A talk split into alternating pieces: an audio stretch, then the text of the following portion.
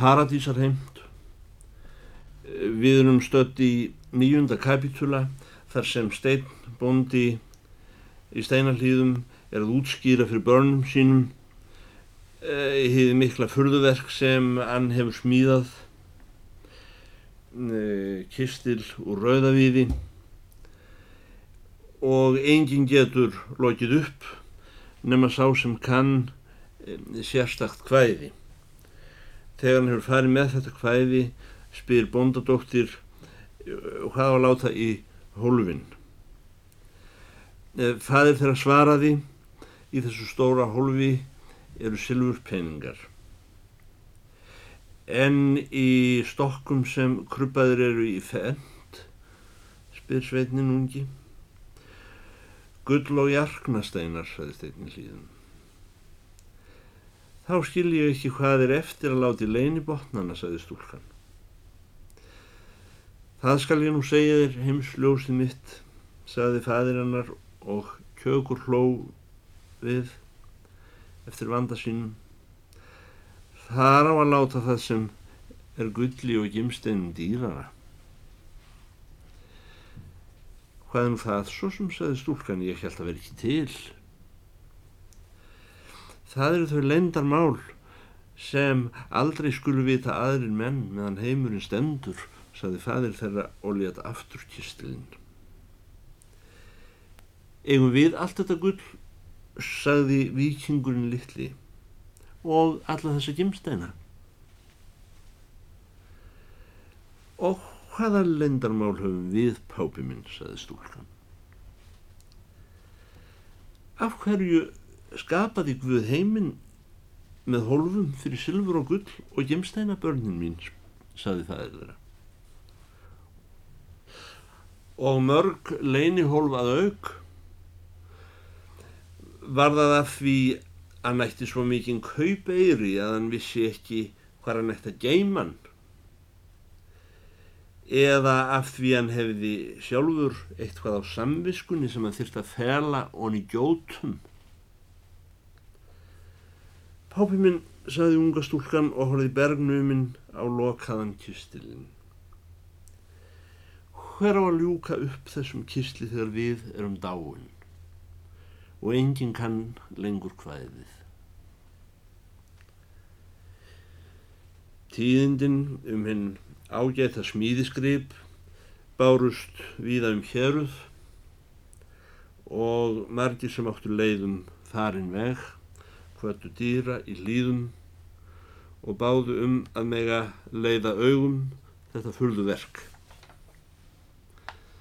Aðrir reistu gagn gert úr fjallægum sveitum sömu erinda. Margir buðu stór fjö í kistilinn.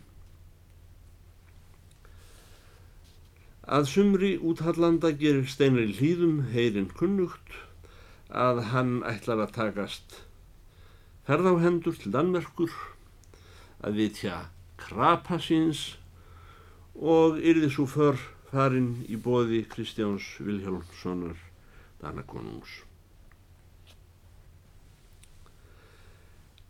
Hann býst nú til ferðar sem best hann ná,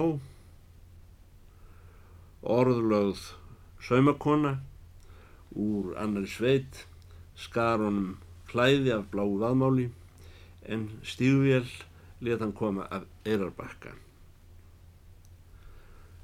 Hann fór burt um nótt án þess að hverja börn sín, horfi aðeins andartak á þau sofa, áður en gekk út. Hann var þá maður tveim vetrum fátt í fymtugt er hann tókst á hendur þessa för. Víkingur són hans var þá rétt fermdur og steina dóttir hans að komast á 17. ár. En þó brottför þessa heima kæra bonda væri fólki hans efni í saknaðartár þá vóð þar í móti stolt þeirra að eiga föður sem útlendir konungar vildu hafa sér nær eins og við fornsögum.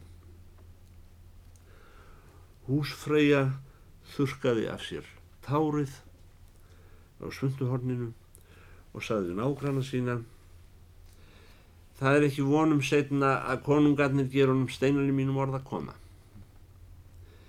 Mikið myndi ríkja fagur friður í útlöndum ef slíkir menn verðar til.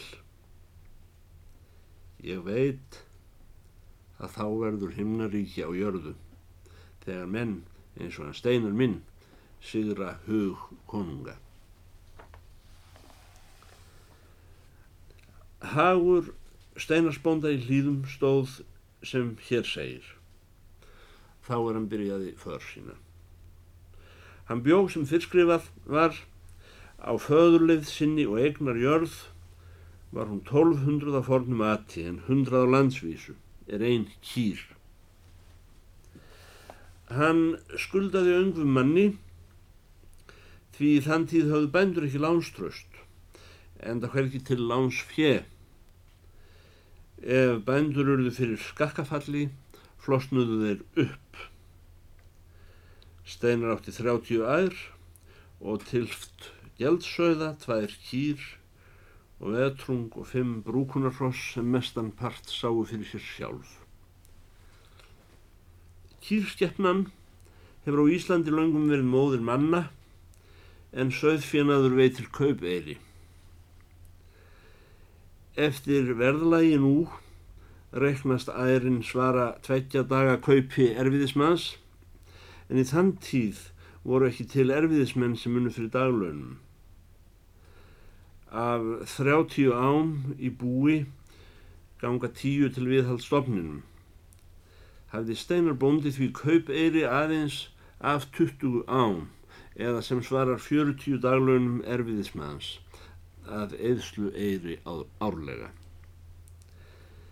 Fyrir það fjö kipti hann rúmjöl og bankabygg auk annar að þarfa í höndluninni á eirarbakka tvær dagliði burtum. En þar var þá stærst kauphöndlan í Danaveldi og sóttu menn í búð þessa úr stöðum sem lágu mörg hundruð kilómetra fjari. Af kjötilagði steinar nokkrar gamalær til búsins. Fatnaður var unnin heima úr úrgangsull. Skór voru og gerðir heima úr hrári húð, ögn álúnaðri og jafnan brynt fyrir börnum að gerast ekki offreg á skæðunum með því að stíga hart til jarðar. Fisk og söl kipti steinar af sjáarbændum fyrir sögði og einstöku vertíð Þegar þröngt var í búi fór hann sjálfur í ver út í Þorlókshöfn og reri á opnum báti. Væri hefni með, aflaði hann þá nokkurs sjáarfangs við hérna brímúttu strönd þar sem á flestum vetrum druknuð í ofviðrum og hafróti fleiri íslenskir sjóbændur að tiltölu en hermenn eru vegnir í styrjöldum. Tíundi kapitúli hrossakaupmanna þáttur. Nú er frá því að segja, er steinarbondi í hlýðum, er farin suður og stígin skipsfjöl og látin í haf og sigldur í önnur lönd. Bondi lagði ekki upp fyrir en seint á eingjaslætti um það bíl sem hei voru flest komin í garð og gerði ráð fyrir að koma aftur með síðasta haustskipi nær veturnóttum. Á bænum var ekki annað fólk en húsfreyja og börnin að byrja upp haustið. Nótt var tekið að dimma. Steinolíja var um þær mundir það dýr miðað við fjárhag benda að ljósa dýrð mátti kallast heldur smá í sveitum. En grútur sem frá öndverðu hafði verið ljósmet hjá Íslandi var einn eigin orðin munarvara. Þeir fáu pottar af steinolíu sem í hlýðum voru teknir til ársins voru geimdir skamdeginu og sælst til þess að fylgja byrtu meðan und var. Fela eldin í hlóðun og hátta þegar ekki var lengur verkljóst en taka daginn snemma. Uns nóttin var orðin jafn laung í báða enda þá var farða kveikja. heldur þóttu börnunum laung fyrstu kvöldin eftir að pápi þeirra fór í annað land. Eftir erilsaman dag var ekki annað hús að venda en fara að sofa. Fyrirgat þó komið að þeir félagar, svefn og draumur, væru ekki reyðbúnir að leggja hönd sína yfir bæinn. Þá var einna helst að dvelja um fyrir sér með því að hlera eftir fjarlægum jótiinn. Börnin könnuðust við hófatak hesta úr fleiri en einni sveit. Það var tilbreyting í næturkyrðinni að þeirra ríðið um bæjarhlöðin við gjam hundsins upp á þeikjunni. Á hverju morni voru taldir dagarnir þanga til vonværi á pápa heim. Á því síðkvöldi sem nú verður frásagt, nær fyrstur rétt, voru allir langsofnaðir. Hafði ekki heyrst jódínur úr nokkuri átt um kvöldið. Hann ringdi. Um lánættir hrökkva meðgur upp að værum blundi við hark um hverfis bæinn eins og allt ætli niður að kæra. Skamsbræðs er komið á glugga og guðað eftir landsvenju. Maðgurnar köstuðu yfir sig flíkum af skyndingu og vitjuð dýra. Hann var stórringdur. Þreikinn maður blöytur í bosma mikill í úlpu og óttalega stórum stígvélum, faðmaði þær að sér og kisti þær lagði af honum megnan rossa þef þó ívið blönduðum tóbæki og koniaki. Það var rigningarvatn í skekkin á honum og kaldur úði í fjettoppinum á nefin á honum. Æð þetta er bara en gamli björn ykkar hérna á leirum, saði gesturinn þegar hann var búin að kissa þær í myrkrinu. Við vorum að koma austan yfir vötn nokkrum drengja kútar með fáinn hross. Kláratnir fara að verða ögn slæptir, piltarnir búin að vaka í tvo sólarhinga, ekki þurr þráður á okkur upp á geruvörtur. Já, mikið er það Guðs til að fá að kissa ykkur svona volgar. Meðal annar orða er hann steinar minn ekki ennattan í konginum. Húsfræja segir að Steinar var í Kaupinhöfn. Væri hans ekki von fyrir um veturnætur. En ef þið getur gert ykkur þessi húsa góðuð, þá veri velkomnir. Eins og þú veist, Björn minn, þá er hér ekki um feitt að sleikja fyrir stórmenni. Og þó, og þó, það sem hæfur honum Steinar í mínum, það ætti að duga konginum. Segji nú einlegt um ég. Hvað ætli gagndrepa menn síu stórmenni konagóð, saði gesturinn. Mestum verðt að fá volgan súpusopa þó það væri kýrsúpa. Um hitt var ég búin að tala við hann steinar minn fyrir laungu og, og reyndar bauðan mér aða sjálfstáðum eins og þeir muna piltarnir mínir tveir sem hér standa og hjálpuð honum að búa rauða viðinn upp á dróg. Þú gerir það fyrir mig björn minn, sagði þá blessaður kallinn, að æja í landinu hjá mig næst þegar þú rekur trippi hvað piltum viðvíkur þá geta þeir leið út í lambakofa ef þeir fá að reyta undir sig vagnar hegi. Já það er nú svona björn minn, saði konan, að í súpu eigum við ekki nema út á kastið. Það hefur öngu verið lóaði hlýðu menn.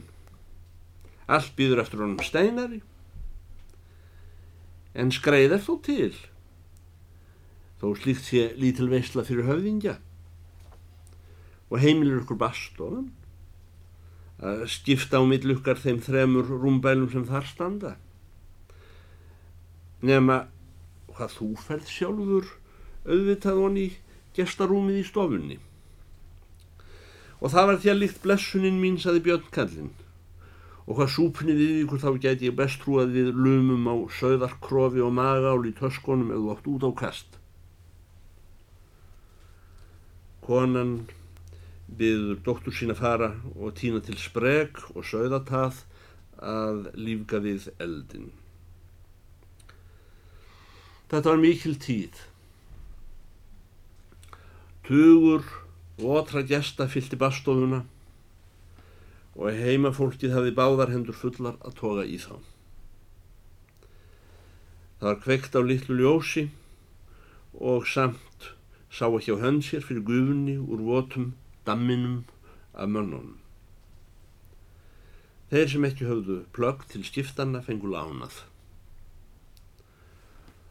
Ögn var af brennivíni til að hressa sig á meðan beðið var eftir súpunni. Það vakti sönglist. Súpan kom ekki fyrir en skamt lífiði nætur og voru þá sumir sopnaðir. Þeir skiptu sér á rúmin, þó voruðu nokkur að standa úti og geta stóðsins fyrir stróki. Undir morgun þótti húsfræju tryggara að senda dóttur sín til stofu að þjóna kempunni til sængur heldur en láta svo fákjæna persónu snúast öllu lengur í bastofu kringum glannafengna hrossakaupmenn sem þar að auki höfðu í krummanum. Hafðu sælbóið konar góðsæði björn í leirum og bauð koninni góðanótt með kossi. Ætla veiti af að fá eina líða mjúka að stjana undir kallin styrðan og dauðan upp úr jökluvötnum. Það var forn síður á Norðurlöndum að hvennmaður var jafn hafður til taks á sæmilegum bæjum að draga klæði af nætugesti þegar hann háttaði. Æi á kindin mín, saði Björn á leirum. Hann var svo mikil um sig að hann næstum tók út í stofu kittruna. Hann klappaði stúlkunni á kjamman og kollin eins og menn kjassa rakka. Þuklaði hana síðan lauslega um bringuna, magan og bakhlutan eins og þreifðar á án til að finna hvort þær takki holdum. Svo stúlkan söp hveljur Þú hefur tekið batað síðan ég sá þig hér á hlaðinu meðan pápaðinum um árið garmurinn, sagði hann. Nú líður að því ég falið þig kettlingin mín er orðin giftveik og túrótt svo mig fer að bráðvantar áskonu. Það var ekki trútt um að stúlkan drægi ekki að sér ángalíunar við þessar orðaræður. Hún var dálítið undirleit og vafiðist fyrir henni að svara. Við jöngum aldrei björn, sagði hún og horfið beint á hann í miðri sæðslunni nema að vikingur bróður minn segir stundum nei en það vil hann pápi minn ekki af því hann telur það þýði saman sem já. Nú var þessi raumur sestur þessum framann á gestarúmið, hallaði sér upp að þýlinu og spertist í bífur fram á gólfið. Stúlkan laði þó knebið fyrir framannan og fór að reyna að tósa á honum forógnastígvélinn sem í óvönduðu tali heitar endar kloffstígvél þau eru fest uppum menn með uppihöldum. Innan undir var hann í leistabrókum. Hann var horki eins votunni kaldur og hann let ef tilvill ekki eins afgamall heldur. Hann sagði nú ertu þó komið það til aldursríjan mín að einhvern tíma hlítur að hafa skotist að þér pilt korn Svo líti bara á og sagt við þig daldið sem ekki tjóvar að svara með einn tómum hyggsta. Ég skal ekki bera mútið því, saði stúlkan. Það var í hitti fyrra. Ég reyð honum krapa okkar á Lambafjall og í sólróð þegar við erum komin upp á fjallið þá segir Piltur rétt sér svona við mig Þú ættir að lofa mér að koma bak þeim gráa, segir hann. Aldrei hafði nokkur maður afbæpiði mig um slikt og þvílikt. Hvað gæti ég sagt? Ég hef ekki búin að ná mér enn. Fyrst þú gast hvorki sagt jáni nei, þá held ég hefði verið útláða löst fyrir þig að fara bæki þegjandi kindin mín. Hann hefði þá sest upp á rossið, drengangin, ef hann hefur haft nokkra rænu. Þeir kom að í þeim svifum, hann pápi minn og hann pápi hans, saði stúlkan, annars veit ég ekki hvað ég hef gert. Hann hefur vonandi haft uppburði til að ymbra og lítilræði þegar þú hittir hann mest, saði Björn. Ég reyði ekki á Lambafjall vorið eftir, saði stúlkan, og ekki heldur í vor. Þegar hann pápi minn leta hann krapa, þá vissi ég að ég átti aldrei aftur að ríða á Lambafjall. Og hafið ekki sest síðan? Spyr Björn. Við höfum kannski rétt litið svona hvort til annars við blá kirkju, saði stúlkan. Mér sínist hann ekki vera búin að gleima mér það en kannski gleimir hann mér það aldrei. Það er ekki farið að falla neitt að ráði til þessara drengjar í hann mín blessaður. Látið það á eiga sig, það er næra að taka í okkur, gamlu kallana, þá vitið þið hvað að ykkur snýr. Mér finnst þú ekkit mjög gammal, Björn, sagði stúlkan og það finnst mér að pápi minn ekki heldur. Þegar ég var lítill var ég vön að sopna undir skeikin á honum. Síðan er eins og allt hafi einhvern veginn liðið út í fjaska. Já, bernskan er óða liðin í fjaska, fugglin minn. Síðan rakar manninum í sífellu þannig til henni komin í körina, þá fer það augna að lagast aftur, Guðísjúlof og þerðu mér nú um tærnarbjálfin minn. Hvern fjandan vil maður líka vera sundrýða þrjú jökulvötn á dag. Stúlkan segir, hann pápi minn var vanur að raula við mig eina vísu, hún er sér svona, við skulum leggja kinn við kinn, svo kvöld sé mín og loðinn, en þín sé blómleg brúðrin svinn, bæði varm og snóðinn.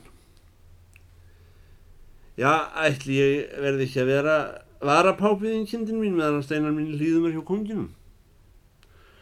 Nú tógar það að mér þessar ennsku buksur og þá fer nú að verða fátt eftir nema skollabrækurnar. Þú ert mestagull og eitthvað annað en kellingar skrattin sem var að stimpast við mjög austri meðalandi fyrra kvöld og guðlun og hafðu selgjast það. Það er nú alltaf hægt að þakka fyrir svona lítið sæði stúlkan og stóð upp á gólfinu og nuggaði dofan úr berum hjákollunum eftir að hafa leið á þeim og var orðin ljóð. Síðan býr hún sig til að fara og segir að skilnaði að ekki skuli hann hýja sér við að kalla eftir því sem hann vanti og bætir við af góðsemi sinni og því fölskvalausu trúnaðar trösti sem ungum kvennmönnum er runnið í merg og bein. Það er mitt líf og indi að þjóna gestum sem vekja upp á nóttinni. Nú, þegar þið eru búin að hátta okkur hossakalláin í rúminu okkar, hvað verður þá um ykkur sjálfarskefnunum mínar? Hún, móður mín, vakir við að þurka plöggin þeirra fram í eldúsi, saði stúlkan. Við krakkarnir leggjumst á reyðingstorfu út í skemmu. Það er svo góð tilbreyting.